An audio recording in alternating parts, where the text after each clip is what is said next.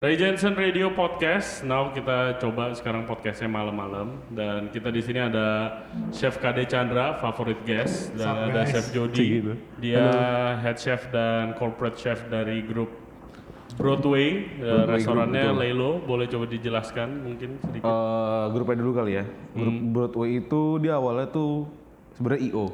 Dulu Hmm. kalau lo tahu kampus night dan produk-produknya dia tuh awalnya yang suka bikin di domain tuh dia tuh. Oke. Broadway. Ya, heeh. Ya setelah itu 8 bulan ke belakang mereka coba buat terjun ke F&B. Hmm. Akhirnya dia mau fokus grup itu di hospitality Hmm. dan beberapa hal lain seperti property dan human resource sebenarnya kayak gitu. Dan- Cuman di sini gue fokus di eh, hospitality-nya. Dan konsep lu Lelo itu apa? Chinese kan? Jadi gini, sekarang tuh yang gue pegang outlet ada dua. Kebetulan lokasinya sama ada di Senopati di Jalan Suryo. Hmm. Eh, yang pertama itu ada Miss Jackson. Miss Jackson itu di lantai dua. Eh, dia konsepnya music bar. Terus di lantai pertamanya ada Lelo. Dia sekarang kalau waktu sebelum gue masuk tuh idenya itu Chinese restoran gitu. Mereka pengen fokus di dimsum.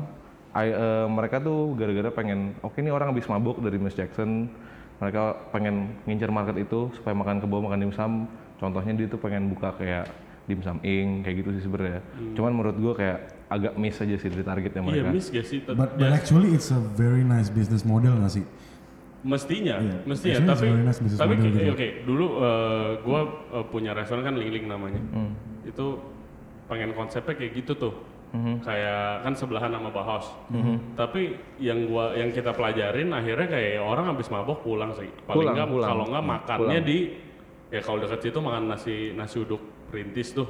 Ya kan kalau di situ. Tapi kayak nggak ada tuh dari situ mau duduk lagi order makanan ke outlet lagi Enggak, gitu. enggak. Biasanya orang nyari tuh bubur, Nah, nasi goreng, Itu indomie. kalau di tempat gitu. lu bisa dari Lelo ke atas tuh boleh nggak sih order gitu? nggak masalah cuman gini eh per tanggal 26 nanti kan gue tuh launching menu baru menunya gue Nice. sebelumnya itu menu eh memang sekarang itu masih menu yang lama. Jadi even operational hour-nya juga masih yang lama.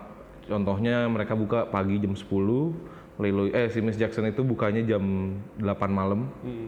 Eh, tapi operasional tutupnya buat si Lelo ngikut si Miss Jackson sampai jam setengah tiga pagi. Every day. Kayak such a waste gitu maksud gue karena ya eh, weekdays gitu siapa sih yang mau makan jam setengah tiga pagi yoi. Iya nggak sih Jangan kan sampai jam setengah tiga pagi deh. Tapi orang jam sebelas gua udah kayak di, pulang di Senop lah, deket kan Iya, restoran gua. gitu. Itu kalau weekday sih, menurut lu gimana? Gua sih sepi sih kalau sepi weekday sepi sepi gue banget sih. awal gue ke sana tuh gue sempat kayak coba buat tongkrongin Senyum-senyum lu. tongkrongin tuh restoran sampai agak eh, lumayan pagi jam satu jam setengah dua gue cabut terus kayak oh mereka tuh nggak ada behavior ke sini gitu loh buat abis dari minum dari atas yang ada juga ya biasanya board of directors Lu siang buka gak? siang buka buka buka. buka Ya. Gimana market siang Senop? market siang awalnya gue lumayan underestimate cuman surprisingly oke banget Oh, orang lebih kantor daripada dinner gitu. ibu-ibu apa segala macam gitu kayak dia nih ibu-ibu. Kayak siang di Tapi kalau di tempat gue juga siang banyak kan ibu-ibu warisan sih. Oh iya Iya, ada pasti pasti siang. Tapi ya anehnya kalau di Menteng, gue gak tau entar di Menteng atau di tempat gue dong, justru gue lebih nyari duitnya itu kalau untuk Yaba ya, gue lebih nyari duitnya tuh lebih ke weekdays. Hmm, Surprisingly kalau Senin Selasa tuh bahkan bisa gede, lebih gede daripada Minggu gitu loh. iya. Karena kayak market gue kayak 95% tuh orang-orang kantoran. Literally kayak yang pakai ID card, pakai batik, datang buat gibahin soal bosnya gitu. di tempat gue. itu behavior customer di tempat gue kayak gitu sih kurang lebih sih untuk diabai. Iya. Kalau di Senop sih purely kalau lunch ya office ada tapi nggak banyak. Kecuali ada acara meeting atau Tapi apa. bukan dekat gitu. SCB di situ harusnya lu banyak lahan basah gak sih? Gojek bro, orang-orang segala Even macam. sekarang uh, strategi penjualan nanti gue bakal ngincar Gojek juga sama uh, catering. Jadi kita baru kayak bakal mau ada satu outsource gitu orang yang biasa ngurusin manajemen catering gitu. Dia bakal cariin klien-klien klien gue Iya, tinggal zaman zaman sekarang tuh gitu. restoran-restoran kayak kayak rata-rata di Senop deh banyak kayak gue dua minggu lalu gue akhirnya gue outside catering Mhm. gitu loh karena jujurnya market lunch ya kalau misalnya office jarang terus kayak ibu-ibu arisan ya ada tapi sesering apa sih dan saingan Oh. di Senop kan banyak banget kan Banyak dia banget, bisa banyak sehari di Fish, sehari di Kartil, sehari di Lelo, Iya. misalnya biarpun tiap hari dan kebanyakan pengalaman gue kalau klien-klien ibu-ibu arisan tuh ada boy yang quote unquote rada riba. Ah itu itu, eh, itu yang gue bilang ke anak-anak gue. Kayak gue baru kemarin gue ngomong kayak gini ke anak-anak gue. Mungkin jadi pernah dengar kali kayak ibu-ibu itu itu udah hakikatnya ribet. Tapi begitu dia suka sama lo, dia bakal terus. royal banget cuy. Hmm. Oh ya FYI gue bekas Oh iya, ajudannya KD. begitu hakikatnya ibu-ibu tuh udah pasti ribet gimana pun. Mungkin listeners punya pacar atau punya emak tuh di mana pun, emak gue pun ribet gitu loh kalau ke mana-mana. Tapi kayak sekalinya emak gue suka sama satu tempat, especially satu waitress, dia bakal nyari tempat itu terus gitu dan bakal royal. Entah tipping, entah order makanan segala macam, Iya. dia bakal royal sih. Di mana bikin event makan tiba-tiba. sukanya? Emak gue suka di bunga rampai suka. Oh bunga rampai. Gue dari Gila. bunga rampai kayak kayak ngarisan di bunga rampai gitu kayak. Nyokap gue biasa Itu enak tuh. ya. nasi uduk. Oh iya, gue gua pernah ya kalau customer ibu-ibu gitu, ini gue kejadian di Ling Ling Hmm, restoran kayak kan Ling Ling ada lindung cafumak, Hah. Oke. lindung, lindung cafumak, terus kayak Lindung cah. fumak fumak, Li- lindung belut. belut. Oh, lindung belut ya oke. Lu Chinese nggak tahu lindung cafumak? Wongsan, Wongsan. Nggak tahu, Oh, Bang. nggak tahu. lindung, lindung cafumak. Nah, dia kayak eh, iya tapi ini Kailan bukan fumak. Gue bilang kayak eh, Oh, maaf tuh sayur. Sayur, aduh, ini ceritanya jadi nggak ada poinnya. Oke. Terus terus terus terus terus. Jadi, eh, lu tahu fumak tuh kayak gimana gak? Tajam-tajam. Biasanya cuma ada di Chinese food sih. Oke. Ya. Sayuran, rada tajam-tajam, garing-garing gitulah rasanya. Fumak. Nanti Kayak boleh. garing-garing gitu kayak gar- garing kayak Kriuk-kriuk kayak gitu loh. genjer gitu. Iya, tapi genjer kan rada berlendir kan. Iya. Ya enggak, ini lu kayak batang lah. Kayak kebanyakan lu batang gitu. Oke. Fumak. Nah biasanya pakai lindung, pakai belut. Belutnya digoreng garing, Oh, ditumis itu pakai angkak. Bawang putihnya banyak. bawang putih banyak, Uh, saus banget sih, tiram, sausing wine, ya kan biasa terus pakai fumak klasik lah. Terus ibunya Jadi bilang, ini bilang katanya lu ini tuh bukan fumak, ini Kailan. Bilang enggak tante, itu Aduh, itu fumak. udah salah banget tuh gila. Lu Itu jangan fumak. ajak debat. Never argue ibu-ibu. Ibu-ibu. Lu, ya ibu, maaf, sorry, that's Nah, it. Oh terus iya, abis gitu itu aja. pertama chef gue udah begitu. chef gue ya udah ganti aja bikin baru, udah biar kelar. Ini balik lagi Kailan komplain minta manajer. Oke. Akhirnya gue datang, maaf ibu, ini beneran Puma. Bukan, ini Kailan. Saya tahu loh sayur-sayuran. ya udah gue buka Google dong. Gua buka Google. Ini ya ibu, saya googlein ini Fumak. Oh ini ya, oh bukan yang sama bukan ini. Nah itu Tapi makanan udah keluar. udah, ah, udah keluar. Terus dimakan. Ya udah dimakan Oh, juga. kita kayak saya nggak mau bayar kayak Iya. gitu. Kalau kalau yang nggak mau bayar itu awal-awal baru buka fees hari Minggu. Ibu-ibu juga data eh, saya mau minta nasi ya. Mhm. Terus habis itu server gue ke kitchen. Saya saya minta nasi. Mhm. Bilang mana tiketnya? Eh, ya udah minta nggak jadi nggak jadi akhirnya terus habis itu gue datang dong eh, habis ya gue ngobrol sama servernya habis servis Gue kan tahu cerita ini. gimana nih gitu kan Eh, kenapa tadi minta nasi nggak ada tiket jadi ibunya bilang saya bukan mau beli loh minta What the saya minta dia bilang ini di sini nasi 18.000 ribu nggak worth it saya makan di Grand Indonesia nasi gratis saya minta loh bukan bukan beli ya nggak bisa akhirnya dia makan nggak pakai nasi tuh Anjing. Wow. wow. Bu, di pasar kencingnya bayar seribu gitu. Pas nasi nggak bayar, Bu. Tapi emang banyak banyak perilaku customer ya emang. Wah lucu-lucu sih, nggak Lucu-lucu bakal sih. ada habisnya dan ini yang bikin seru sih. Ini ya bikin seru. ya kalau sekarang abis itu diceritain ya seru, Iya. tapi begitu Cuma pas di tuh lu kejadian pasti kayak, waduh, ah. annoying banget, annoying banget. Kalau di tempat gue dulu di Maple Enok Hmm. pernah kejadian, lu ingat gak sih? Ada laki-laki, ah, suami istri lah, bawa bapak ibu-ibu mau pesen cheeseburger. Eh, Tapi mereka makan daging. Kayak Oh apalagi ini mereka gue yang makan ngerjain daging. makanannya. Bukan itu bang, Oh bukan. lagi, Oh iya beda beda beda beda. Beda. Akhirnya dia minta, oke ah, cheeseburger nggak usah pakai patty dong. Kayak? Ya cheeseburger jadi Gak usah pakai patty. nggak pakai daging cuy, bener-bener kayak roti potong dua, keju, Keju, udah that's udah. it. Caramelized onion, kayak, barbecue sauce, mayones. Tunggu, tunggu, tunggu. what the hell man? Oh jadi roti, roti, roti aja dijepit roti, tawar. ya kan? keju. Roti burger bang. Iya. Konyol kan? ini ini kalau menurut gua gimana ya? Mungkin gua merasa kayak sebagai tamu inilah yang gua ngerasa kayak ada kesenjangan antara server sama tamu di sini kali ya. Mungkin mungkin gue maaf maaf kata gue ngerasa di sini mungkin server dan cook itu bukan bukan kerjaan yang dipandang sama orang gak sih sebenarnya? Tukang lah. Tukang lah. Dikategorikan Jadi kayak- Ya, jadi kayak gue selalu bilang ke teman-teman gue kayak be nice to your server man. Kayak mereka juga kerja gitu loh. Iya. segala macam kayak for, for everyone listening this kayak be nice to your server sih. Siapa pun itu kayak mereka juga layak untuk ya lu harus ramah lah sama mereka lah sih thank you. Itu juga sesimpel saying kayak meja lu dibersihin. Thank you ya mas. Mereka udah senang banget gitu loh. Dan gue garanti kalau misalkan lu being nice to them mereka bakal service lu jor-joran. It's true Yoi, kan? yoi. tapi kalau misalkan kalau misalkan you're being an asshole kayak lu nggak bisa ya maksudnya dia juga manusia gitu loh. Kami juga manusia kita Hmm. juga manusia kan kayak kita juga batas sadar. Ya emang harus ada SOP perusahaan untuk hospitality yang diikutin. Tapi kan ya mikir nggak sih kalau kayak gitu? Harusnya yoi. mikir gitu. Biasanya biasanya kalau misalnya eh servernya lihat tamunya udah bete mukanya juga Iya. udah pasti nggak bakal ditanya-tanya lagi Iya, benar, benar, di- benar, gitu benar. yang akhirnya Benar. dikomplain aja di bener sosial media bener kayak gue itu cerita lu orang mesen burger roti doang. Gue gue pernah gue sama Michelle di Bali ke tempat burger nih. Bosman? Bukan tempat burger namanya Bali Best Burger.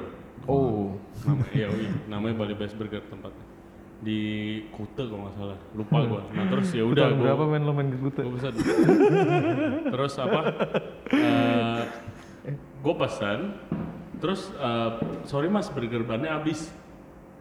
Terus jadi kayak oh jadi gimana? jadi gue dikasih burger pakai hotdog ban tapi at least they tried bro iya, paling enggak ya tapi kalau gua kalau burger baru udah habis kayak oke mas gua nggak jadi makan kalau gue sih gitu ya karena Iya, udah lapar sekalian itu gitu loh.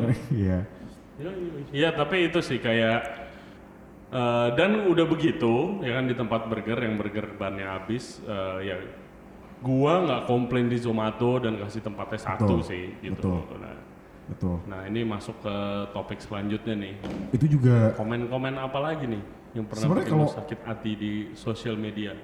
Oke, kalau ngomongin kayak it's been the same shit everywhere in this world kayak Hmm. kayak even Anthony Bourdain tuh bilang the late great Anthony Bourdain tuh bilang kalau Yelp kalau di sana tuh ngomongnya Yelpers ya kan Yelpers iya, kan Yelp, Yelp. karena kalau di US kan Yelp kan ya yang Hmm, booming iya. kayak dia ini Anthony Bourdain sama Denny Bowen yang ngomong dia bilang Yelpers are the lowest kayak intinya the lowest form of life bla bla bla gitu loh karena Nah, karena orang-orang itu nggak tahu kayak betapa banyaknya usaha kayak even blood sweat and tears money effort mind C C C. yang dimasukin untuk bangun tempat ini gitu loh maksud gue loh masih servis Iya, pak. iya benar benar, tapi benar, tapi benar. Tapi kayak mereka poinnya benar. mereka sesimpel kayak kayak lu di tempat lu deh yang lu bilang ini tempat udah kayak Gioi KW kalau Gioi kebakaran baru makan di sini Yo, itu, itu itu sakit hati. banget Itu sih tempatnya. Iya, iya, iya, itu dia. kayak sometimes kalau misalkan gue gue setuju kalau misalkan emang ada platform sih ada platform untuk orang komplain segala macem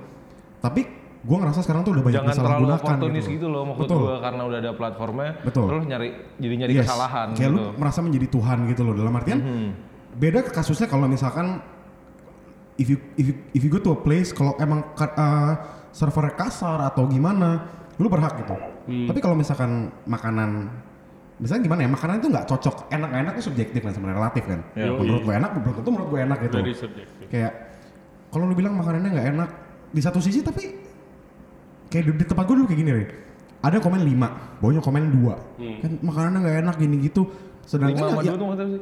Lima bintang, dua bintang. dua bintang dua, Oh, dua bintang oke. tapi kayak yang lain tuh bilang 5 kenapa lu bilang 2 gitu loh karena berarti subjektif dong itu relatif dong maksud gue dong Yoi. berarti gue ngerasa kayak lu nggak giving points and judgment secara objektif sih maksud gue sih Iya. karena rasa itu kan relatif gitu loh menurut Iya. yeah. asing menurut gue belum tentu segala macem terus ya gue ngerasa kayak this kind of people mereka playing gods aja sih kayak gini sih kayak gue merasa gue punya platform gue punya kuasa untuk komplain segala macem bla bla bla bla bla bla yang pada nggak tempatnya gue nggak bilang nggak boleh komplain tapi Kalau komplain langsung aja gak sih? ya Iya. gue lebih mending iya benar Nggak Gue benar lebih respect perlu sama shaming. tamu Iya. yang seperti itu. Nggak Exactly, perlu shaming exactly. gitu loh. Sorry, Exactly. saya mau ketemu chefnya atau gak masalah manajernya gitu. iya gue gak ada masalah sih gue mendingan selamat malam bapak ada yang bisa dibantu salah kita ganti baru kelar masalah Karena langsung gitu bisa loh. di handle saat Exactly. itu juga. Yoi, Exactly. jadi bisa dihandle dan kalau misalnya komplainnya nggak di tempat tapi di sosial media, ya ini gue jelasin ke listeners. Oke, supaya iya. jadi kayak kalau misalnya kalian komplain di tempat itu bisa langsung eh, restoran tersebut tuh take action. Exactly. Apa ini? Itu, Exactly. itu diganti baru, di free in, Free out dessert, dari bill, diskon. free dessert, diskon for Seriously. next trip, dikasih gratis next trip, whatever Yeah. it is, pasti restoran itu tuh akan gimana lah caranya. Biasanya ya restoran yang baik begitu. Karena restoran juga nggak mau kehilangan tamu kan. Exactly. Iya. Gitu. Ya gua gua pernah sih. Actually gua pernah kayak gua ada laler Oh shit. gitu loh. Gua ada laler di makanan. Gua ada laler di Fatal sih makanan. itu sih. Terus kayak cuma diambil doang sama ya udah mohon maaf gitu doang nah Ya. itu salah juga tapi eh, still maksud gua kayak gua ya itu poinnya lo harus ngomong dulu di tempatnya sebagai ya ini for listener sih Gue punya ya, gue punya satu, gue punya satu ngomong apa teori? Gue punya satu teori atau pemikiran. Kenapa sih orang tuh suka ibaratnya berkoar-koar di di, sosi- di so- bukan sosial media, ya di salah satu di sosial media sama Iya, taruhlah di platform Zomato lah. inilah. Kayak mereka tuh mereka tuh intinya kayak mereka having a bad, bad experience gitu kayak entah makanan yang nggak enak menurut mereka, servisnya jelek. Intinya tuh pikiran jauhnya tuh mereka tuh cuma pengen kayak gue nggak mau ada orang makan ke tempat ini lagi. Paham nggak maksud gue? Kayak kayak gue pengen kayak dikasih nggak tahu mau nyoba Exactly. atau "Iya, nggak mau nyoba jelek banget Iya, loh." exactly. Iya. Kayak dan dia merasa dan psikologis manu, psikologis orang Indonesia tuh ya mereka tuh kayak kayak ada Latah jadinya. iya jadi latah dan mereka tuh punya kepuasan tersendiri kalau mereka feeling superior gitu loh maksud gue. Yoi. Paham Iya, gue, kayak gitu. paham gue ya benar. iya. Benar gitu. Itu behavior yang itu worst type of behavior sih untuk customer sih menurut gue sih. Oke, eh, selain customer, Aha. ya gue blogger. Aha. Kayak gue, karena kan customer-customer yang di kayak Zomato, gitu yang kayak review itu kan mereka juga nyari follower juga. Exactly. Ya kan, kan Exactly. ada ada follower, ada yang kayak top reviewer area Senopati, Hmm. misalnya gitu. Expert in bla bla bla gitu Iya, kan. Iya expert benar. dan bla bla bla gitu. Which is gue juga nggak tahu kenapa dibilangnya expert Oh, lu karena sering mereka karena doang. mereka sering makan di daerah situ deh biasanya. Iya, tapi itu Iya. bukan expert lah. Ya Kalau mungkin ya lu bukan. kalau lu mau Kategorinya bukan expert. Iya bukan Ya, expert. Bukan expert lah. Lu sering makan Apa di ya? daerah sini, ya lu Foodie nggak aja expert lah. Gitu lah. Ya lu foodie gitu maksudnya. Nah, tapi eh, kayak gini nih. Gua gua masak di Jakarta udah berapa? nih? 11 tahun, 10 11 tahun sekarang. Hmm. Opening restoran karena gua konsultan udah sering gitu loh. Iya. Gue belum pernah kalau lu bikin misalnya opening nih, biasanya kan restoran waktu opening ngumpulin blogger-blogger nih, 15 20 blogger gitu kan. Gue belum pernah ada kalau misalnya 100 100% itu yang tadi lu bilang balik lagi buktinya kalau rasa itu very subjektif. Yes. Nggak ada pernah misalnya blogger-blogger yang mesti udah expert kan soal makanan. Nggak ada semuanya yang bilang, wah semuanya enak banget. Enggak. Ya. Ngerti gak? Iya. Nggak ada nggak ada satupun yang bilang enak banget. Pertama yaitu rasa subjektif. Yes. Yang kedua gue pikir kalau lu misalnya orang yang kompetitor itu kan bukan kolik mereka kan kompetitor Iya. gitu loh. Eh, nggak mau lah kalau lu misalnya lu food blogger lu bilang gila enak banget semuanya ini, ini segala macam terus si kade bilang kayak iya tapi mestinya diginiin lebih enak diginiin Cek lebih gitu. enak yang lebih bagus kelihatannya yang mana Apa? yang lebih bagus kelihatannya yang mana dia dong kayak Iya. lebih Iya. pintar Iya. nah itu men- menurut menurut gua kompetitif side-nya itu memberi solusi gitu. iya kompetitif side-nya itu jadi kalau menurut gua ini gua nggak kenal top reviewer Zomato atau siapa Yes. Eh, tapi menurut sudut pandang gua tuh kayak ada certain people kalau misalnya lu tulis misalnya very good doang itu ya itu wouldn't get Ya. them follower atau Yes. apa gitu segala macam ya personally They have I to think. create kontroversi untuk iya nyari follower. Kalau di itu apa yang paling aneh ya? Ya, kalau di sama Apple nggak pernah ada yang aneh sih. lu, Karena serve telur mentah kan Kalau itu di, pernah dikomplain gak sih Gue nggak. telur mentah sous vide egg. Buat sukune, Bukan, buat sukune. sukune. Oh enggak enggak. Enggak, enggak Karena gue selalu kita selalu bilang kayak this is part of the experience. Satu. be- beberapa orang kayak apa nih jijik tapi sekali gue coba oh gue ngerti gitu loh maksudnya. Mungkin sebenarnya untuk beberapa orang ya, contoh mungkin friends and family atau mungkin ada tamu yang duduknya di bar gitu. Terus dia nanya, kok ini pakai telurnya mentah? Itu selalu gue jelasin. ada yang minta dimatengin ya Enggak. Nggak pernah ada sih. Nggak, nggak pernah Nggak ada pernah ada sih, itu konyol banget sih. gitu. Nih gue matengin gitu. Nggak, jadi kayak itu gue selalu jelasin biasanya. Hmm. Kenapa eh gue prefer telur mentah sama tare. Sebenarnya itu kan kayak lightly cured gitu. Kalau misalkan gue diemin, jadi eh lu bakar sate. Pas lu bakar sate, telur tuh udah ditaruh di atas di, di atas tare. Jadi kayak ke cured kayak sekitar 5 sampai 10 menit gitu. Harus. Technically it's not raw gitu. Heeh, Iya, iya. technically it's not Technically it's raw. not raw. Terus eh gue jelasin juga kenapa harus ada kuning telur biasanya. Jelasin ke listener coba. Oke, lebih sebenarnya gini. Kalau kita Eh, mah udah tahu. Oke, kalau gue gue dua kali ke Jepang, gue coba cobain beberapa makanannya, gue nggak nemuin texture creamy dari cooking cream sih sebenarnya di sana. Iya. Mereka selalu pakai kuning telur atau enggak miso campur dashi dan lain-lain itu jadi creamy gitu. Jadi ya eh, alasan gue di situ eh, selain ada satu restoran di Hong Kong namanya Yardbird yang ngasih ide tersebut, Shout out Matt Abergel. ya, Matt Abergel, Oh, bukan Ivan Tarago. We love you man.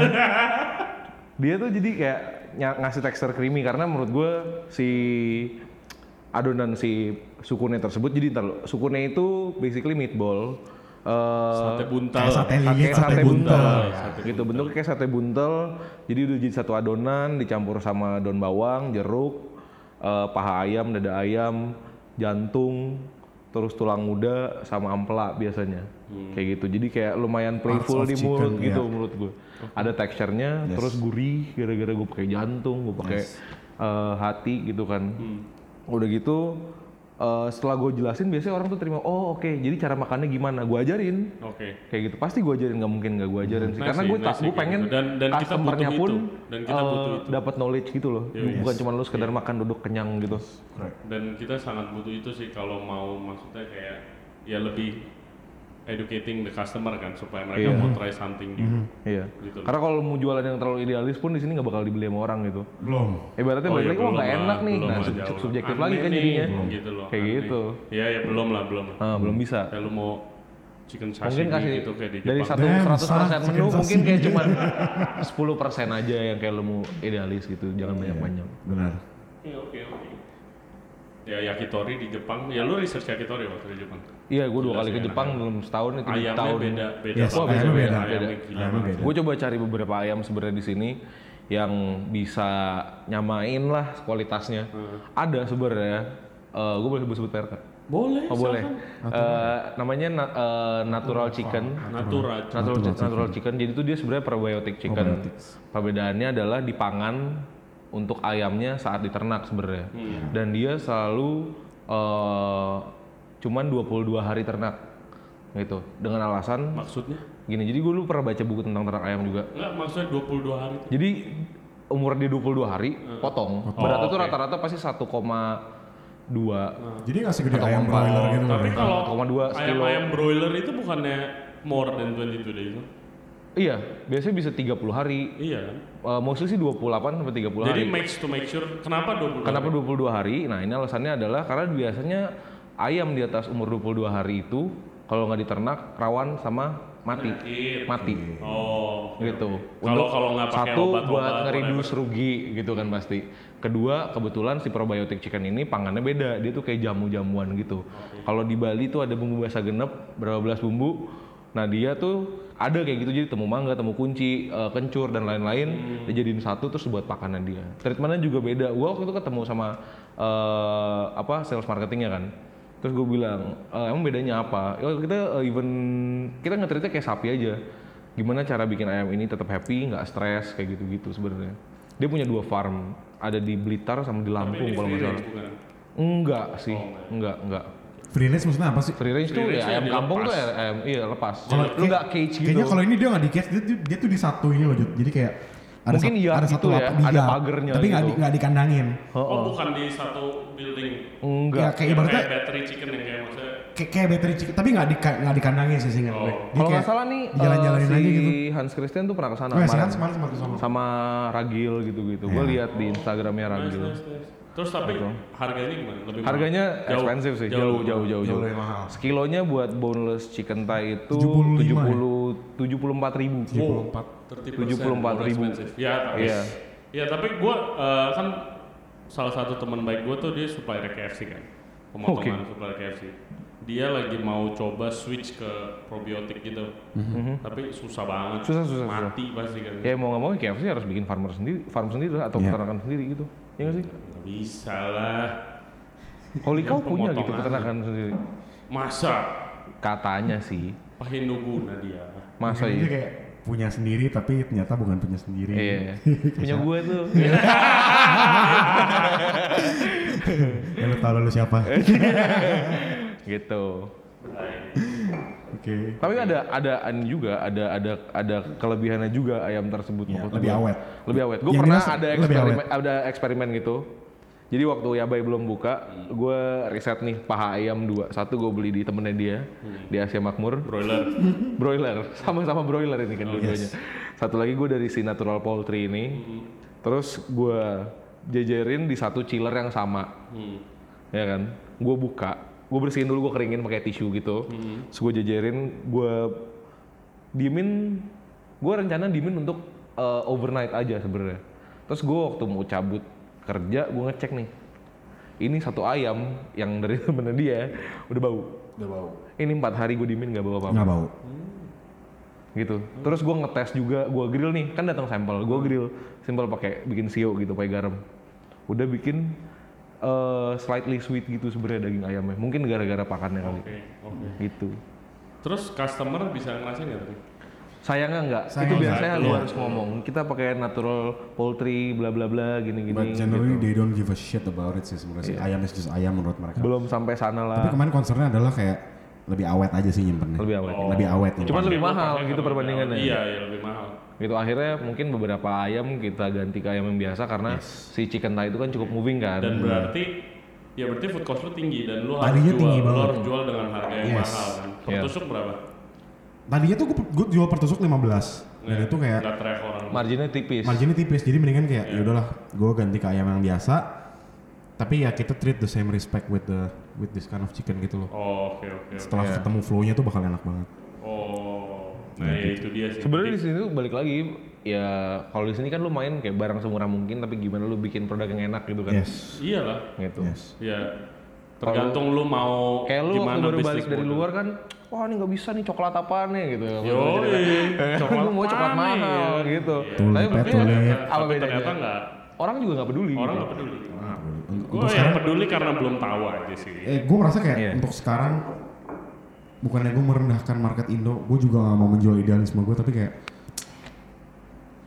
makanan di sini tuh belum jadi yang kayak utamanya gitu loh. Hmm. dalam artian? Makanan masih jadi kebutuhan, exactly kayak masih jadi needs. needs. Hah. Jadi kayak mungkin kalau lu udah pernah travel ke beberapa negara, misalkan let's say US gitu ya, di sana tuh kan atau Prancis lu pernah di sana juga, di sana tuh ma- makanan udah jadi science, art, Exactly. bla bla bla gitu kan. Craft Udah- lah, ya. jadi Ada mungkin jadi status sosial gitu, gitu, Exactly. bisa-bisa aja kan. Exactly. Gitu kalau di sini ya sekedar kayak Ya, gua, tapi status sosial lah. Lu kalau mau keren, lu iya makanya Iya, makanya bener, makanya. bener, Cuman kalau misalkan emang knowledge-nya juga nggak segitu juga lu mau naikin status sosial lu karena Iya, sama aja makanan, bohong. Karena bohong. susah sih, lu mau ngubah kayak gini loh. Gue pernah dibilangin sama temen gue, lu kayak lu tinggal di luar negeri, misalnya bertahun-tahun, misalnya tiba-tiba logat lu berubah, misalnya lu tinggal di Inggris, ya logat lu berubah, Oh, jadi. Singapura. ya. Hmm, I smell Gimana curry. ya? I smell curry.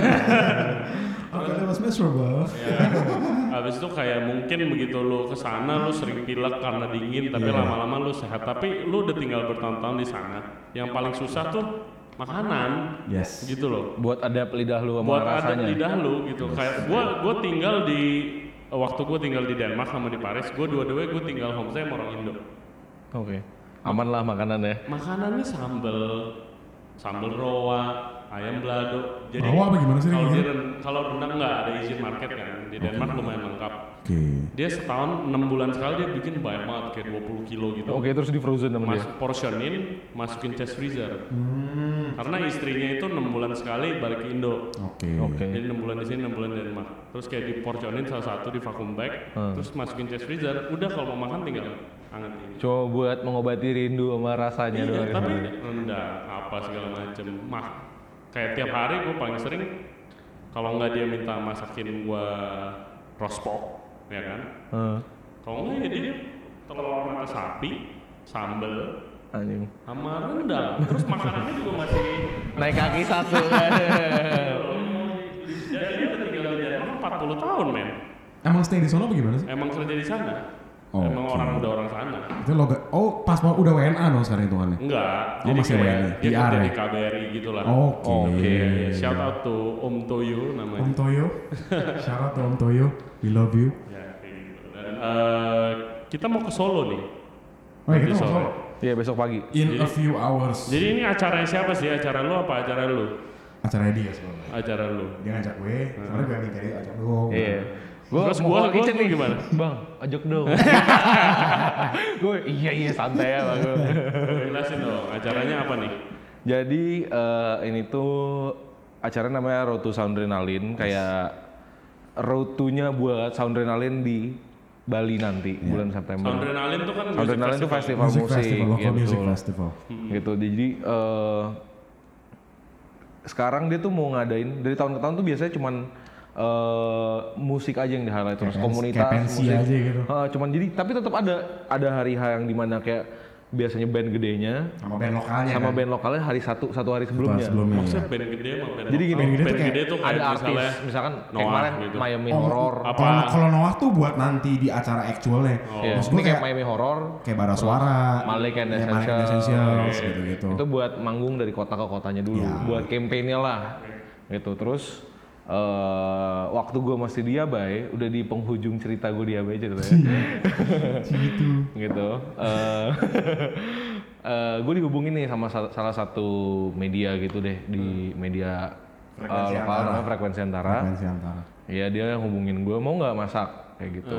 Soalnya eh, kita sempat kerja sama juga Yes. sama mereka di acara Asian Cookout yang pertama sebelum bulan puasa kemarin. Nah mereka tuh kayak mungkin suka kali ngeliatnya apa gimana. Oke, stop bentar. Asian Cookout itu buat listeners. Jadi kita nih chef-chef punya acara di kepala sama Chef Jody. Oh bukan Oh enggak, Oh, bukan. rame-rame rame-rame. Oh, rame-rame. tuh awalnya Terwal Culinary sama Hachi. Oke, jadi kita punya, well, basically chef-chef lah punya acara masak-masak yang konsepnya barbecue-barbecue. Baru itu open for public kan. Open for public. public. Next lu ada event di Ada di Hachi lagi Tanggalnya udah keluar belum? Kedua tanggal 1 September. Oh satu ya? Itu di hari Minggu. Oh tanggal tanggal oh oke. Tanggal dulu 1 dong, bro, September jadi dulu. kita semua akan akan masak-masak di Hachi itu di Pondok Indah. Iya. Jadi Siapa pun boleh come. datang. Charge-nya nggak akan Everyone mahal, it's just good food, good, Good music, food, good and vibes. good Iya. beer, good cocktail. Yes. Udah kelar. Intinya itu kayak community gathering gitu sih. Iya. Ada music, ada F&B gitu. Dan nggak harus chef yang datang Iya. ke sana, bisa Dokter siapa juga aja, boleh. dokter Iya. semuanya lah. itu. itulah. Kalau datang if you see any of these faces, panggil aja panggil namanya. aja kayak, Panggil Woi. aja. woi, Woi bego gitu, enggak apa-apa. Dan rencananya rencananya gue mau mau bikin podcast juga sih di sana kalau bisa. Iya. Oh, iya, iya, iya. Nice, Kemarin nice, nice. ngomong. Kemarin sempat di meetingin kan. Iya. kemarin Chef Abe udah Oke, ngomong. lanjut lagi soundrenalin terus lu masak di mana aja? Hmm, Kita udah kota keempat ini aja tuh. Iya, kita tuh ini udah kota keempat, kita dapat jatah di enam kota. Ya. Pertama itu kemarin di Pekanbaru, kedua itu di Bandung, setelah itu Lampung. Lampung, besok pagi kita berangkat ke Solo, kita ke Solo. Setelah itu minggu Jakarta. depan kita berangkat ke Surabaya dulu, Jakarta dulu. Solo, Eh, Jakarta, Jakarta terus Surabaya, terakhir kita ke Surabaya. gitu. Jadi Buat, buat yang mau datang di yang- Jakarta nanti ya. tanggal Tanggal 16 Agustus. Ini venue-nya kayaknya belum tahu ya. Venue-nya itu, Bukan di jadi ntar gini, kalau, sama Di eh, Kelapa Gading ya, di daerah Kelapa Gading ya. Eh, jadi ntar buat yang di Jakarta itu dibagi dua gitu titiknya. Ada yang di Jakarta utara. Utara sama Jakarta Nah, Selatan. kita dapetan di utara. Kita dapat yang di utara gitu. Yang di utara. Aneh ya, lu bukannya lu kayak lu kan di selatan marketnya musuhnya Exactly man. ini musuhnya di selatan. loh. Gue king karena gini, kalau gua maksudnya. kalau gua tanya sama PIC-nya, kalau gua tanya sama PIC-nya dia kayak wah bukan gue yang nentuin kayak gitu. Oke, gue sih nggak masalah gitu. Ya lu tau lah sistem Indonesia kan kayak gitu kan. Gue sih nggak masalah sebenarnya mau di mana aja. Seperti itu. Terus di acara ini karena gue masih bawa nama Yabai, maksudnya karena kontraknya waktu itu awalnya gara-gara gue masih di Yabai kan, itu tuh Sorry lo yang orang Broadway lo. gitu. Jadi kayak Sorry sorry not sorry. eh, apa namanya gue masih fokus sama grilling gitu sama robatayaki. Yes. Gitu apa pun makanannya cuman harus di grill, harus pakai charcoal. Charcoal yang dipakai juga lebih spesifik gitu. Yes, correct. Sip sip sip. Ya should be fun lah. Terus Ya. nanti kita kulineran. Soto, sate buntel. sate buntel, sop itu ayam. sumsum rica. Yoi. Oh iya, sum-sum rica. Shit, man. Aduh. Oke. Gitu. Terus eh mau main apa lagi? Oke. Nah di Balinya lu ikut juga. Di Bali kita Oh. lagi proses negosiasi ya? Jadi gini, ternyata di Bali itu nanti yang masak tuh katanya artis-artis gitu. Damn, son. Bocorannya kayak gitu. Celebrity chef atau Bukan, artis? Artis. musician terus gua nggak tahu apa lagi. Pokoknya seniman lah. Oke. Contoh mungkin katanya misalkan Danila Riyadi bikin koktail gitu karena katanya dia suka banget sama Jaeger kan gitu. Jägermeister. Heeh. Mabok mulu anjir dari. Emang lo enggak? Inilah syarat. Syarat mulu kan? Iya lo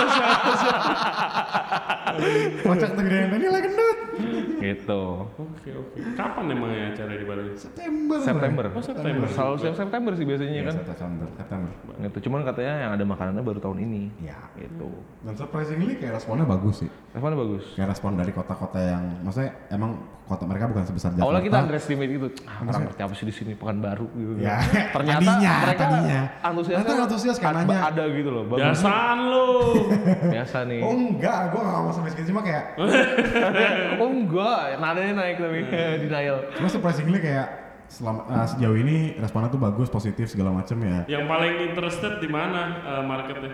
Sebenarnya yang yang paling entusiastik buat itu segala macam. Paling antusias sih Kayak yang kemarin kan kita di Bandung. Lebih kayak- antusias Lampung daripada lebih Bandung. antusias Lampung. Lampung. Lampung daripada Bandung. Iya, mungkin gara-gara yang punya tempat kenal gitu, Hmm. namanya Iya. Binar gitu deh pokoknya. Atau mungkin gue ngerasa kayak di Sumatera kan kayak mereka lebih jauh daripada ibu kota gitu loh. Jadi ya mungkin ya gue nggak tahu ya mungkin tren yang didapat juga lebih sedikit terlambat gue juga gak ngerti itu. Sebenarnya gue rasain Lampung tuh Lampung dekat banget sih. Sinerinya ya kayak Bandung ya gua. Lampung kayak Bandung. Oke. Kayak Cuman lebih panas karena di iya. pesisir. Gitu. Dan Kan dia bentuknya kan shore terus bukit Naik, gitu kan. heeh. Nah gitu. Cuman Makanan apa di Lampung yang Lampung tuh kemarin Cuma kita makan sate ikan, Sate ikan.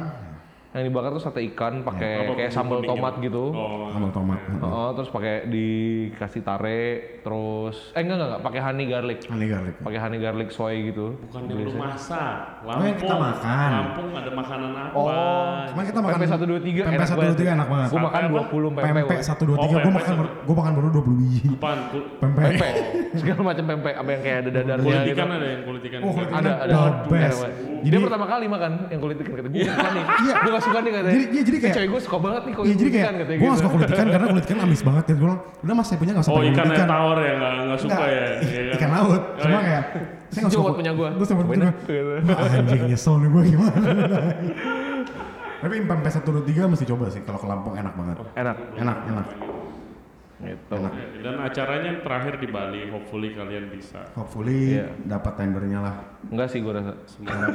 ya udah artis-artis Iya, lawan udah aja. artis. Gratis nggak ada gitu. masalah sih Kalau enggak lu prep aja, yang penting ke Bali kan.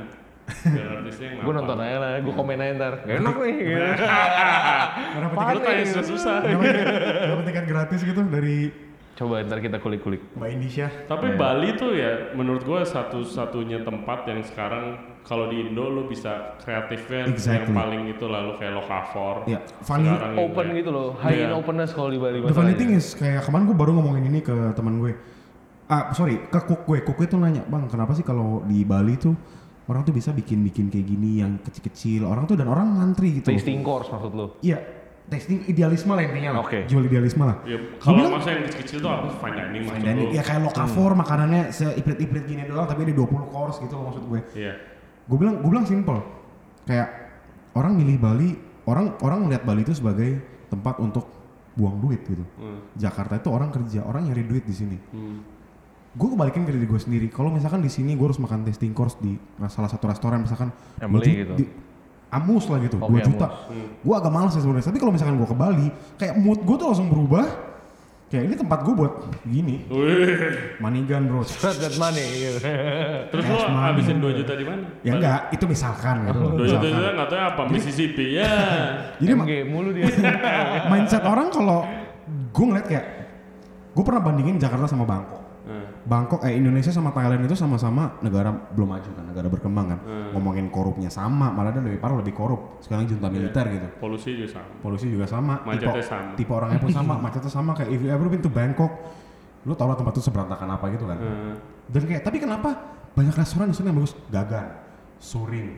Apa yang lu bilang ibu-ibu itu? Eh, bolan. Bolan. Gue nanya ke temen gue yang emang temen gue si Karena Wilson. disupport sama pemerintah, bro. Satu bener, bener. Disupport pemerintah Yoi. satu. And eh, orang-orang itu melihat Bangkok as a exotic destination gitu loh. Beda kalau ngeliat Jakarta, konkret jungle kayak lu bilang kan. Iya, konkret jungle. Jakarta itu konkret jungle, konkret jungle. kalau lu ngeliat Bangkok, apa sih di bayangan lu Bangkok apa?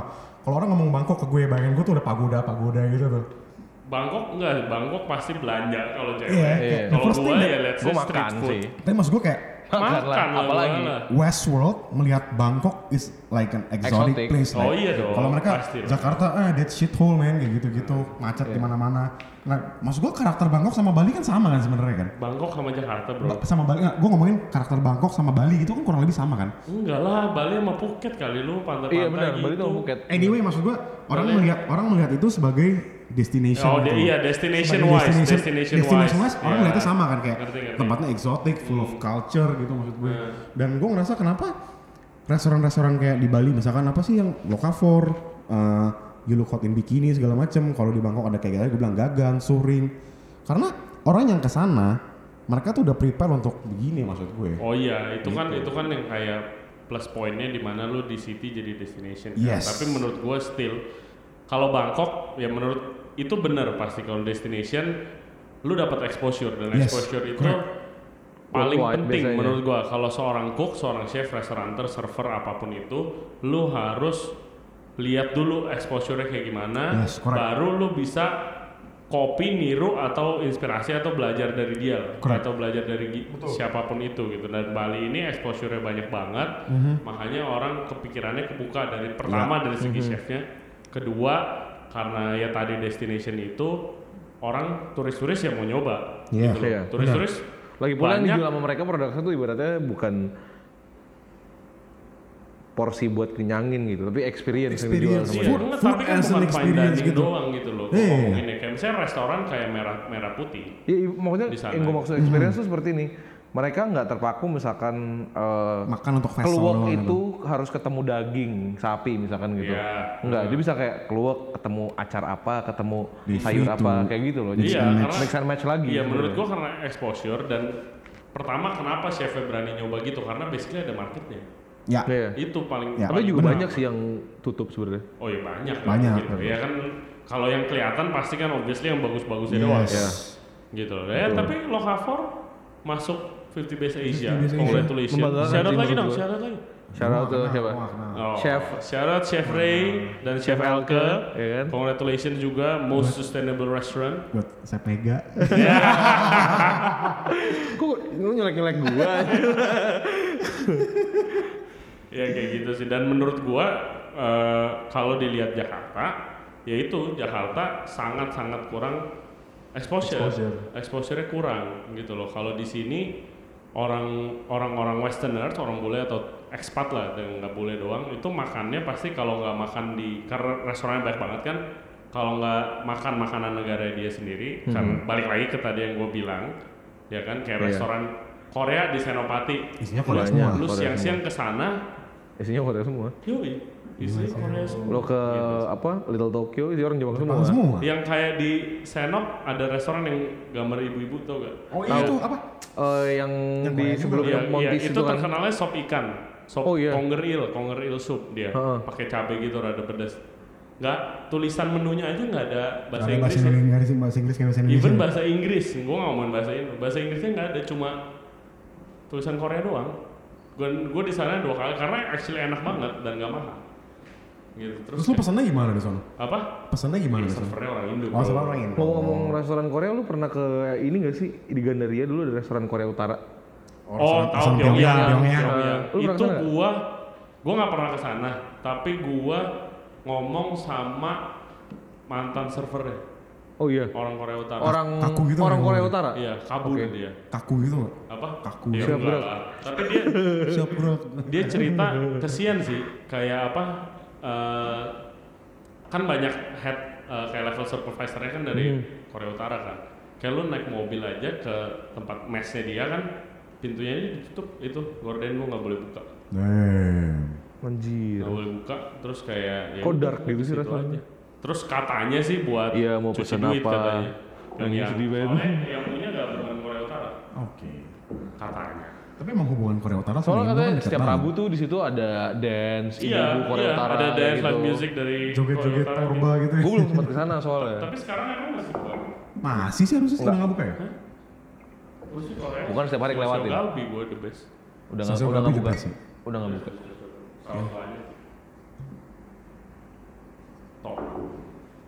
Oke, nah ngomongin soal exposure, menurut gua di Jakarta tadi kenapa kita sebagai chef-chef, kayak kemarin gua ngomongin spesifik topik ini sama Chef Gloria juga, karena bukan dari tamunya aja yang exposure, terus dengan berbagai macam alasan lah, ekspat mau makan makanannya negara mereka, kita orang lokal pun ini kerja kita nggak mungkin splurge dan di mana kebanyakan sama teorinya kayak ayam lu tadi kalau lu mau bikin makanan yang seperti itu kreatif dan bla bla bla bla ya lu harus charge mahal lah Yes. gitu dan di sini kalau kita yang sendiri kita kerja kita bakal jarang banget kayak gua aja gua nggak enak banget gua nggak pernah ke restoran Hans gua makan view Mahal banget. mahal dari Rizan karena purely karena mahal bukan Gue emang bayangin tuh makanannya kayak clean banget gitu loh. Iya, iya. iya dan Sebenarnya pas dia mahal. keluarin plan vegan menu itu gue pengen cobain sih kayak main gue anniversary sama dia. ya. Si. Plan base cuma kayak aduh gimana ya mahal banget sih. Udahlah akhirnya masih Sosok Gabi.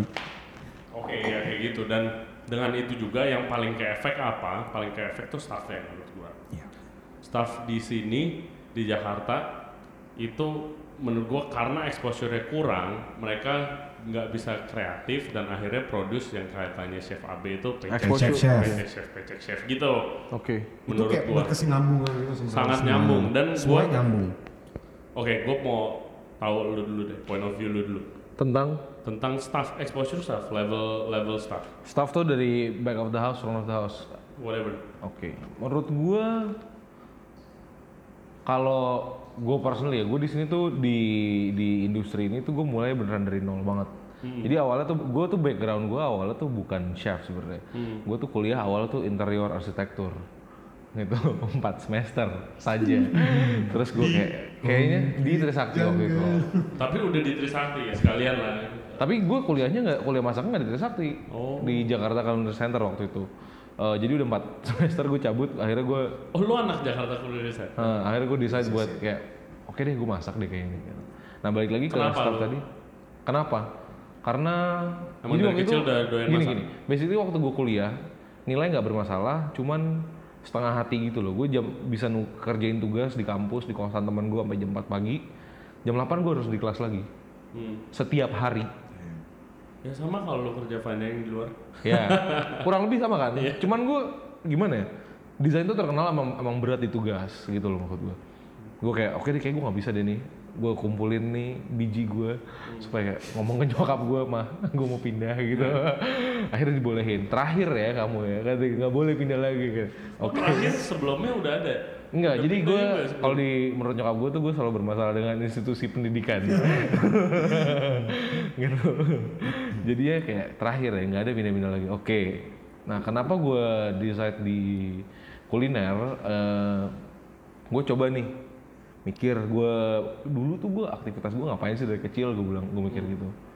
eh jadi nenek gue tuh punya catering Drama dulu nih, drama. punya catering Hmm.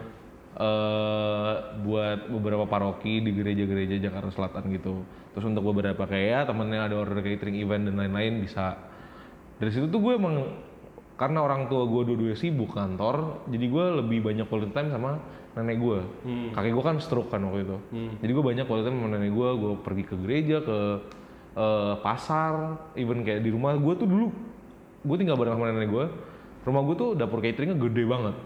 Jadi gue tahu ini tuh apa, ini tuh apa. Mostly makanya uh, impactnya ke sekarang kayak oke gue lebih fokus di Indonesia aja deh mikir gitu. Karena gue udah tahu hal itu seperti itu. Nah, jadi kayak gue mikir-mikir kayak gue masak deh. Dari kecil gue dibawa ke pasar, disuruh nyobain ini, nyobain itu, segala macam. Kayaknya emang di sini sih dan gue suka. Ternyata begitu gue coba terjun, gue nggak langsung sekolah pertama. Gue masuk dulu ke toko lokal, banyak banget pelajaran yang gue dapet di sana. Uh, chef gue dulu namanya uh, Sebi. Sebi, ya. Dia itu Shout out Sebi gak? Ya. Cool guy, cool guy. chef gitu udah gitu eh, apa namanya dia banyak banget ngajarin gue sampai akhirnya gue ngambil keputusan gue bawa nih eh, kayak brosur sekolah gitu. Sep menurut lu gimana? Lu mau sekolah? Gue awalnya situ jadi server. Gue pengen tahu. Gue pengen masak sebenarnya. Cuman kayak dia nawarin untuk kayak oke jadi masuk kitchen. Cuman gue kayak nggak deh gue pengen coba tahu front of the, front of the house dulu gimana. Gue pernah ngebar juga kayak gimana sih di bar kayak gitu. Oh kayak gini. Akhirnya kayak coba masuk dapur. Walaupun waktu itu kayak masih eh, ngumpet-ngumpet nggak boleh sama Sebi kan. Sini gue bantuin motong-motong kayak gue suka deh nih gitu karena gue nggak suka nunggu basically. Gue sukanya kalau masak lu masak ada hasilnya langsung lu bisa judge di saat itu juga. Oh ini gini. Oh ini kurang ini. Oh ini enak ini nggak enak gitu. Langsung bisa lu benerin. Next lu bikin nggak boleh begini jadi. Gitu. Ya gitu sih. Setelah itu makanya gue lanjut lanjut lanjut lanjut sampai di empat tahun lalu kalau nggak salah di 2015 oh di gue datang gue lagi pop up sama Abe di tahun lah. 2015 kan Maple buka 2016. 16 ya? Oh iya. eh. Ya gue lagi pop up sama Abe. Part 2 sekarang Regensen Radio Podcast sama Chef KD dan Chef Jody. Tadi baterainya habis, sorry karena kita kasihkan ngobrol. Iya. Selain Tadi lu lagi ngomongin background. Iya. Oke, lanjut. Kayak intinya lanjut. gitu background gue awalnya tuh interior design terus gue pilih di, akhirnya masak. Hmm. Gitu. Terus ya kalau balik lagi ke topik yang tadi tentang staff exposure. Menurut gue itu Hmm. Staff, staff. Iya staff, Iya. staff exposure. Eh, menurut gue itu gimana ya? Kalau dari personal experience gue, kayak yang tadi tadi bilang, eh untuk lu ditau, di orang tahu tentang lu gitu. Kayak misalkan gue deh sekarang ya, misalkan gue lagi coba untuk kita kan lagi coba nih buat panjat sosial nih misalkan. Lu Google nama gue aja nggak bakal ada apa-apa kan? Terus Kalau lu kan tidak peduli, emang lu kan kayak kalau pemusik tuh indie lah lu ya kan. Yang penting duitnya kayak jalan aja. Orang tahu lu itu senang banget sih menurut gue, karena itu sangat penting karena Iya. begitu kalau buat gue, begitu gue dapet exposure itu sebenarnya eh, ada pressure juga, tapi di sisi lain gue senang juga. Yoi, Tapi Pressure-nya tuh contohnya kayak tapi gini. ini tuh exposure yang gue bilang bukan yang kayak oke dia tahu si ini, Mhm. lu tahu dia, tapi kayak exposure juga lu tuh harus explore juga, lu harus kenalan, lu harus expose diri lu sama Tamu. sama apa pun itu, sama misalnya restoran yang lebih baik, sama Oh, staff bos yang lebih baik, gitu loh maksud gua. Lu harus expose diri lu buat itu, bukannya nungguin kayak misalnya susah lah kalau lu Buat bola lah. kalau lu server Eh, Terus habis itu lu mau nunggu dikenal nggak mungkin lah Nggak dikenal mungkin. orang itu hampir tidak mungkin kecuali lu Iya. bikin video viral apa gitu loh kan nggak mungkin. nampar customer gitu. gitu. kayak gitu. Nah dan karena itu masalahnya jadi kayak gini nih. Gua eh, ini masalah yang gua temuin menurut lu gimana kayak gua kan podcast nih kita sengaja beberapa episode awal nih kita ngundang beberapa chef yang backgroundnya beda-beda nih. Ya kan dulu dari interior, Odi dari product design, otodidak ya kan gua sama Kade actually training. Ya kan yang belum kesampaian yang kayak misalnya bener-bener sekolah di Trisakti itu gua belum mungkin JJ kali gua mau undang misalnya atau siapa. Atau Michael Ruben tuh bisa tuh. Michael Ruben ya? Tapi dia bisa gak sih? Dia jangan cengenges Nggak, orangnya ada di sana. Orangnya di situ. Oke, oke. Jadi eh, yang gue juga mau undang juga. Jadi gue ada plan. gue mau undang kayak yang dari misalnya SMK. Terus udah sukses. SMIP misalnya yang dari sukses. Nah, terus habis itu gue ngundang. Eh gue ngobrol sama beberapa staff gue yang dari SMIP dan dari SMK. Ada yang dari yang paling hits katanya SM, S, SMIP 57 katanya itu paling itu yang di pasar minggu kan sih? Iya, Itu SMP pariwisata. iya. Iya. Jadi katanya itu yang paling hits tuh gitu. SMP? SMIP. Oh, Smith. Yes. Smith. Terus ada be ya beberapa gue ajak ngobrol kayak gue dia bilang kayak eh gue mau ngundang ada gak yang sekarang udah sukses apa segala macam oh banyak gitu loh dan gue akan mengundang ke podcast. Tapi di sana di obrolan kita gue kayak gue nanya kan lu biasa itu misalnya lu ikut SMIP lu ikut SMK lu eh, dapat penempatan kerja di mana? Di hotel kah?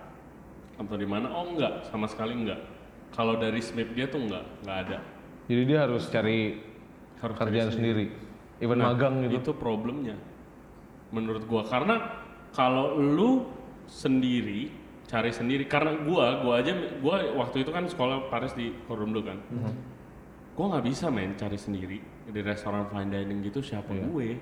Even lu tok tok deh iya waktu Kayak yang Hans bilang Iya. di podcast itu kayak gue udah pernah lakuin itu. guy. Gitu. ada ta- tapi nggak semua orang bisa kayak gitu men. Ya.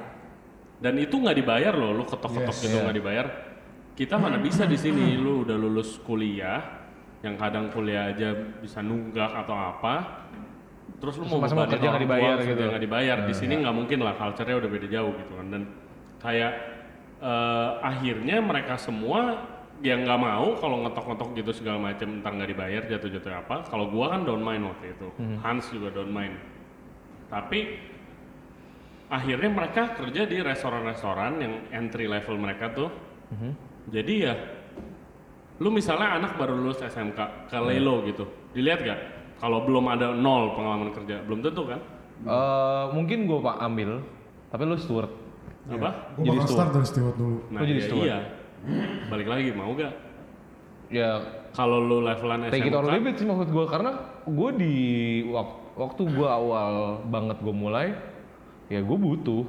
Kalau emang menurut lu ini worth ngerti it dan tapi lu ini kalau steward itu beda lagi. Steward itu bia- biasanya dari yang even nggak lulus SMA biasanya. Bukan jarang banget yang lulusan SMK dan Iya. SMIP gitu loh kalau punya biasa background atau lo yang nggak- lulus SMA gitu loh kalau sekolah kan maksud gue teknik motong paling nggak bisa gitu Iya. helper kenapa enggak gitu goreng masa nggak bisa sih sesimpel goreng lu kalau misalkan gorengnya masih salah wah gue nggak ngerti sih cara ngasih taunya Nah, oke. Ini poin gua nih ya. Poin gua dengan karena dia mereka tidak ada penempatan yang dari sekolahnya, akhirnya mereka ya setiap ada misalnya dari job street ke advisor ada ya di apply lah True, Iya. true, true. gitu kan karena minta gajinya pasti yang lumayan tinggi lumayan tinggi Aha. terus habis itu kayak tidak diperlukan pengalaman yang signifikan lah gitu Yes, misalnya iya. kadang kan lu misalnya lu nyari cook ada banyak yang cook helper aja lu minimal satu tahun Ya, tapi even kalau cari di job street gitu ya pekerjaannya bukannya gue ini ya eh, mengklasifikasikan cuman kayak kalau gue selama ini pernah baca job street apa pun itu eh, platform-platform buat cari kerja Hmm. eh ya apa sih kerja lu bakal jadi robot sih gue ngebayanginnya gitu. nah ya itu dia makanya mereka pakai itu karena tidak ada penempatan dari sekolahnya mereka pakai itu akhirnya masuk ke restoran-restoran yang biasa aja restoran yang kurang jelas konsepnya dan nggak punya culture yang baik buat grow kayak Iya, misalnya di grup lu gua. di grup gua di grup lu apa union apa segala macam dan akhirnya bakal jadi yang begitu tadi paycheck shift semua menurut gua problem salah satu problemnya dari situ penempatan kerja kurikulum tuh berarti sangat dong. sangat itu masuk penting kurikulum sekolah dong harusnya Iya, sangat-sangat penting karena misalnya lu dari hotel apa pun itu, ya kan yang kayak pers- sekolah perhotelan deh, lu pasti langsung ditempatin kerja dong. Yes. ya di hotel Iya mana kan? di hotel pasti mana lah gitu. gitu. Gua dikasih list, lu mau di mana aja itu menurut gua sangat-sangat penting sih supaya karena gua begitu gua masuk ke restoran dan gua dapat hoki gua dapat yang oke banget restoran yang mata gua tuh langsung kebuka. Oh begini ternyata gitu loh. Dan pasti lu lu berdua kan punya pengalaman yang sama Ya. gitu kan. Tapi kalau misalnya gua nggak ada dan gua misalnya gua udah ngetok terus habis itu nggak diterima ya gua akhirnya ke restoran pinggiran-pinggiran doang yang nggak ada apa-apanya yang cuma buat duit doang. Ya udah beda lagi jalan ceritanya gitu loh. Nah menurut gua harus salah satu yang harus dibenerin kalau kita mau me- mulai encourage nih culture culture eh apa F&B Mulai workers, dari yang paling ya kan, muda staff, gitu kan. itu ya lu harus dari bawah gitu loh. Kalau lu misalnya dari udah kerja di resto satu restoran yang begitu restoran aja yang tidak membangun karir apa pun 18 tahun misalnya di situ ya itu udah susah. Tapi menurut gue lu nggak bisa ini sih, nggak bisa full nyalahin kurikulum dari sekolah. Misalkan nyalahin Smith, siapa. nggak maksudnya kayak Gua cuma mungkin itu uh, salah satu yang disayangkan ibaratnya. Cuman balik lagi kalau gue, gue selalu coba gue putar lagi nih pola pikirnya ke diri gue sendiri biasanya. Hmm. Apakah uh, apa yang gue cari gitu? Lu mau ngorbanin duit dulu, apa ngorbanin ilmu lu dulu? Biasanya kan gitu. Yang bisa, lu kan biasa kalau misalkan gini, gue mau masuk, gue punya dua pilihan misalkan, gue mau masuk tako lokal, gaji gue kecil, ilmu gue banyak, Hmm. Gue ditempa habis-habisan di situ, apa gue mau masuk ke Ibaratnya naik kapal kali ya. Iya mungkin kayak naik kapal gitu yang kayak mungkin gede, tapi lu gitu. enam bulan di atas kapal gue kayak motong tang aja gitu. Yoi, tapi Mau yang gede mana? banget. Tapi gaji gue gede banget. Yoi. gitu ya untungnya sih waktu itu gue kayak oh gue gue coba buat uh, set target dulu gue dalam waktu lima tahun tuh gue mau kayak gimana sih gitu sebenarnya kalau gue tuh gitu sebenarnya jadi kayak memang- memang mungkin disayangkan dari pihak si institusi pendidikannya cuman eh gue juga apa ya kayak, oh bangun dong, lu nggak boleh kayak nyalahin terus sekolah. Ya sekolah gue nggak punya fasilitas seperti itu. Oh iya bener Lu juga. harus Lo attitude, apa ya? attitude ya itu lu juga satu. harus bisa kayak gue pede, gue, gue lu bisa apa ya udah lu coba show off aja gitu. Karena percuma kayak lu bilang, lu nggak nge-expose diri lu sendiri di satu ruang lingkup kerja yang baru, ya lu nggak bakal kelihatan jadi apa-apa juga maksud gue. Iya bener. Lu sebel gak sih lihat sorry nih ya, anak-anak baru lulus perhotelan terus kayak langsung minta gaji gede banget level gaji level Gue beberapa tahun lalu tuh pernah baca artikel yang kayak eh Le Cordon Bleu di Amerika yang tutup ya. Iya. Iya kan, Yang tutup, tutup, kan. yes. Le Cordon Bleu di Amerika tuh ada artikel dia Ada tutup tutup. karena disu katanya sama salah satu eh alumninya lah. Katanya di situ di gue baca di artikelnya. Eh dikarenakan ekspektasi mereka itu sesuai sama mereka. Iya lu lulus dari LCB, lu bisa langsung lu bisa jadi ini, bisa jadi ini, bisa jadi Iya. ini. Nah, janji manisnya semua yang dikasih lihat Tidak gitu. semudah itu Ferguson.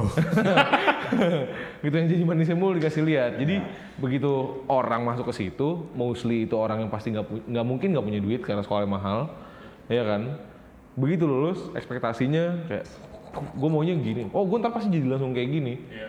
kenyataannya nggak kayak gitu sih Iya menurut dan akhirnya ya banyak banget sih Sekolah gua nggak bisa gua- disalahin gua- menurut waktu, gua. Waktu fees gua kayak baru lulus men minta gaji minimal empat setengah gitu. Gua Hmm. kayak anjing. Lu dulu gaji pertama lu berapa Jat? gue satu juta bulat Satu juta. kerja 12 jam Ini sama training ya? istirahat 30 menit Whatever. Gua nggak ada 800 staff meal Gua 800 dolar. Satu juta. nggak ada uang servis Wow. Gila. Nah. Gua 800 dolar. 800 dolar tuh barely enough cuma buat bayar kos-kosan doang pas di Singapura. Di Singapura 800 dolar 800 per month. Satu bulan. kecil Kalau sih misalkan ya itu kecil banget sih. Kecil sih. Cuma kosan gue udah 650 sih 150 kayak itu udah habis buat Lu open transport. BO ya? Apa? Open BO dia. Biar ada pendapatan lebih. Mungkin gue masih dikirimin duit ya. Sama tante-tante. Ya. Gua total gua kerja nggak dibayar itu empat tahun. Gua nggak dibayar.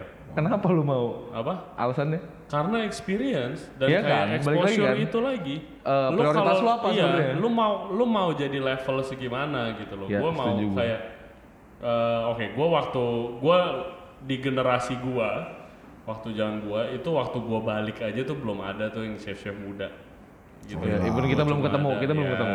So, masih set. Gue masih ngeliatnya di ini. Kokiko TV. Eh, apa eh, Celery. poster-poster gitu ada kayak gini. Ray Jensen Iya. gua awalnya kira Ray Jensen tuh bule awalnya taunya Coki. iya Jadi eh, bokap gue bilang sama gue waktu itu kan gue eh, gue bilang gue mau kuliah masak. Masak. Bilang. terus bokap gue bilang Ngapain kamu sekolah masak? kagak. Bokap anjing. gua ngomong gitu sama ngapain kamu? jadi apa kamu itu itu tanda kalau sebenarnya profesi ini masih di look down sama orang sebenarnya kan? Betul betul. Tapi bokap gue nggak begitu. Bagus. Bokap gue bilang gua support apa aja lu mau jadi pemusik karena dulu gua rajin ngeband. Shout out tuh bapaknya Ray. Iya, Om Kurnadi. Ya, Mr. Hook. Mr. Hook. Kurang ajar lu. Jadi kayak eh, apa?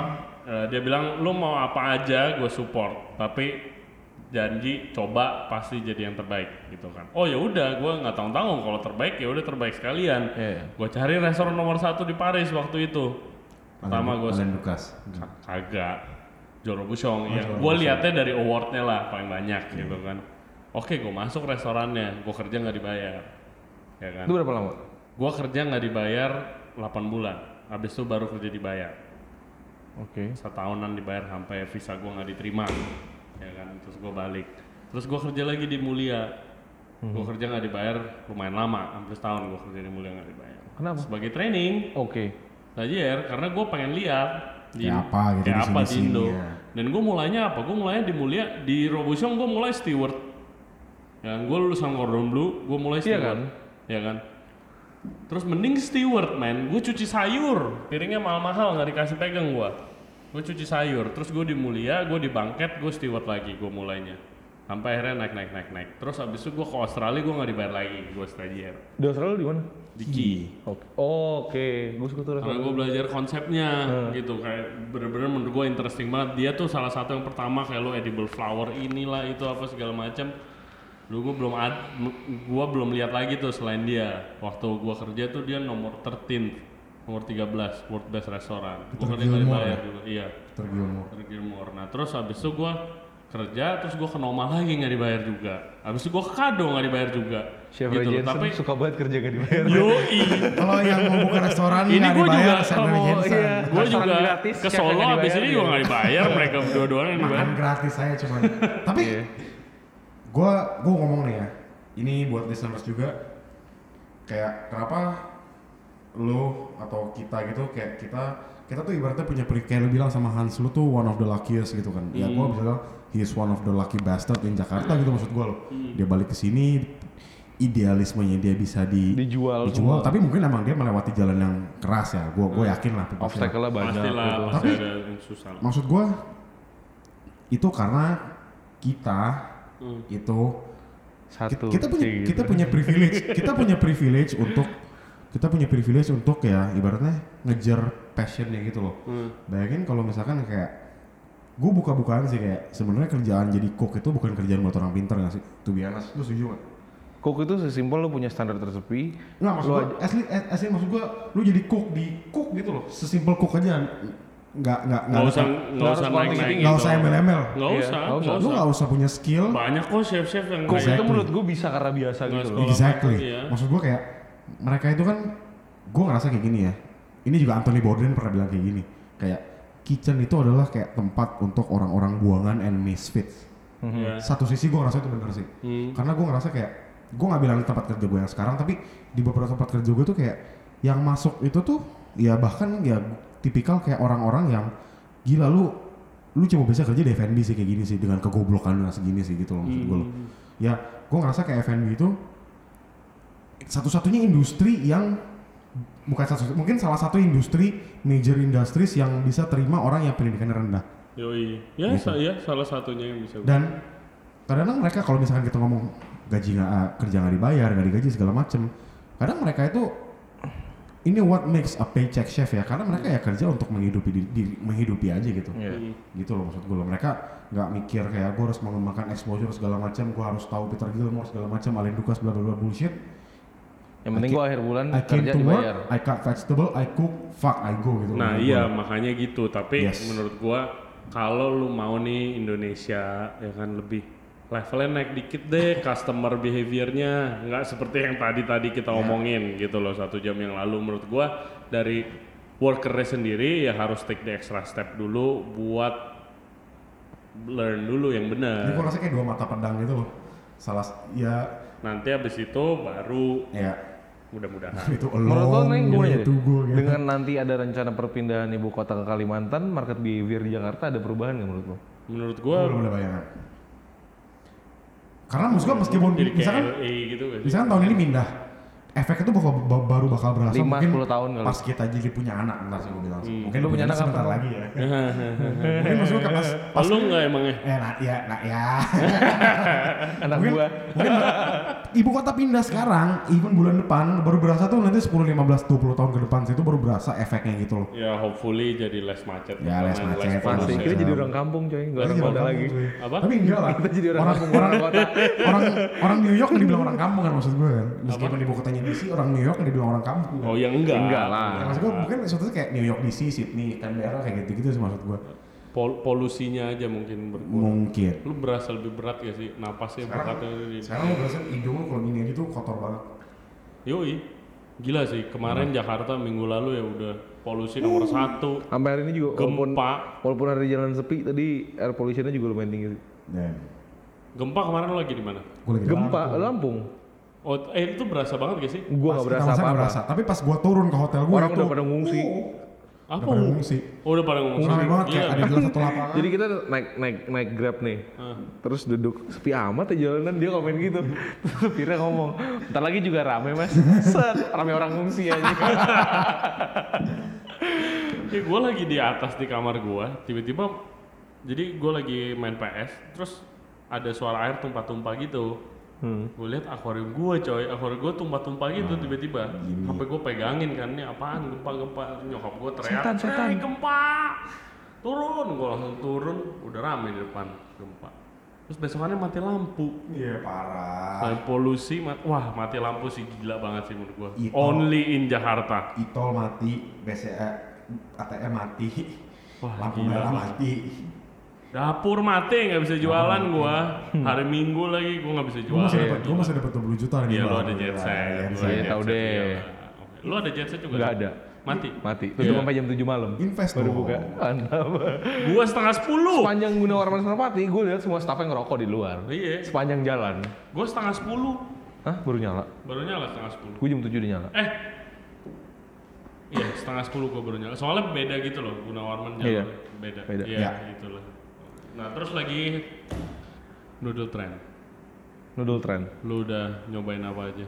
Jujur gue belum nyobain Gue apa-apa. nggak banyak coba sih tentang noodle. Cuman kalau gue Gua mau buka restoran noodle by the way. Instagram gitu, lagi banyak banget orang bikin Iya. bakmi, bakmi, bakmi. Tapi kalau misalkan lu lihat trennya itu di selatan kan banyak kan.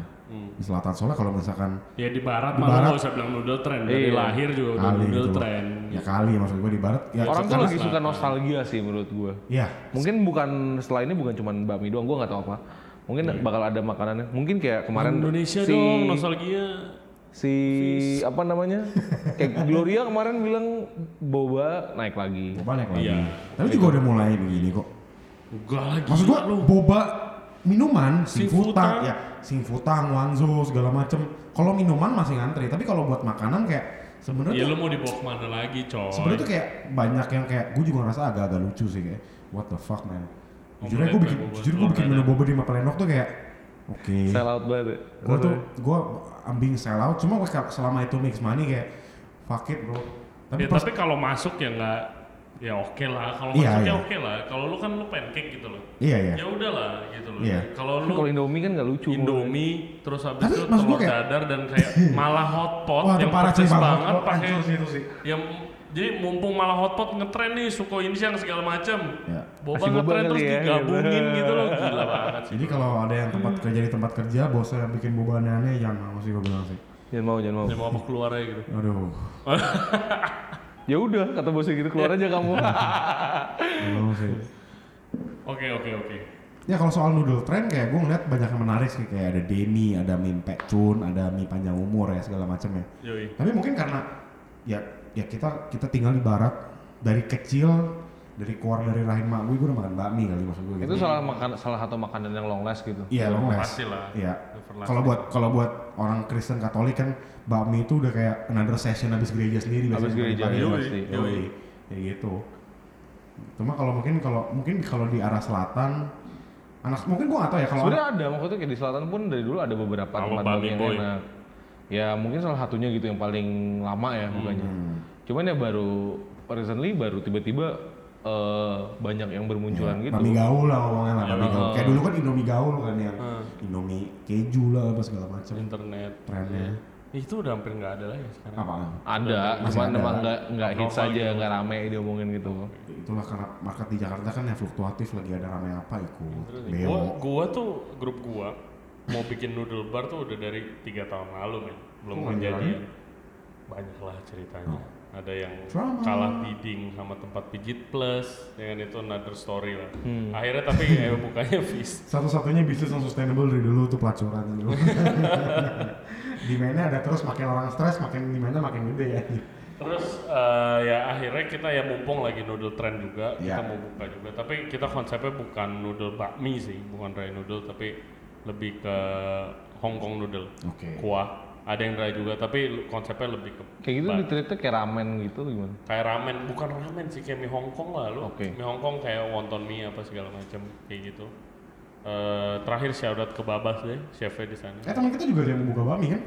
Respati Oh, Waimi Oh iya, Iya, Waimi. Waimi bener Ntar lagi buka nih. Tuh- berapa? akhir bulan ya? akhir bulan Wah, itu Air from bulan. the people that brought you burger. burger yoi jadi burger udah sukses banget noodle shop next to burger I think ya. Sebelahnya kan? Enggak, enggak, enggak, enggak, enggak. Jadi katanya lokasinya di deketan deket tuku. Oh dekat Deket tuku tuku. Cipete. ya. Gua kira kayak di ruko-ruko sebelahnya itu loh maksudnya. Oh Enggak, enggak. oke Iya anyway. Gitu. Ya gitu sih. Oke, guys, thank you. We have to go karena ini udah malam banget dan kita actually mau ke Solo.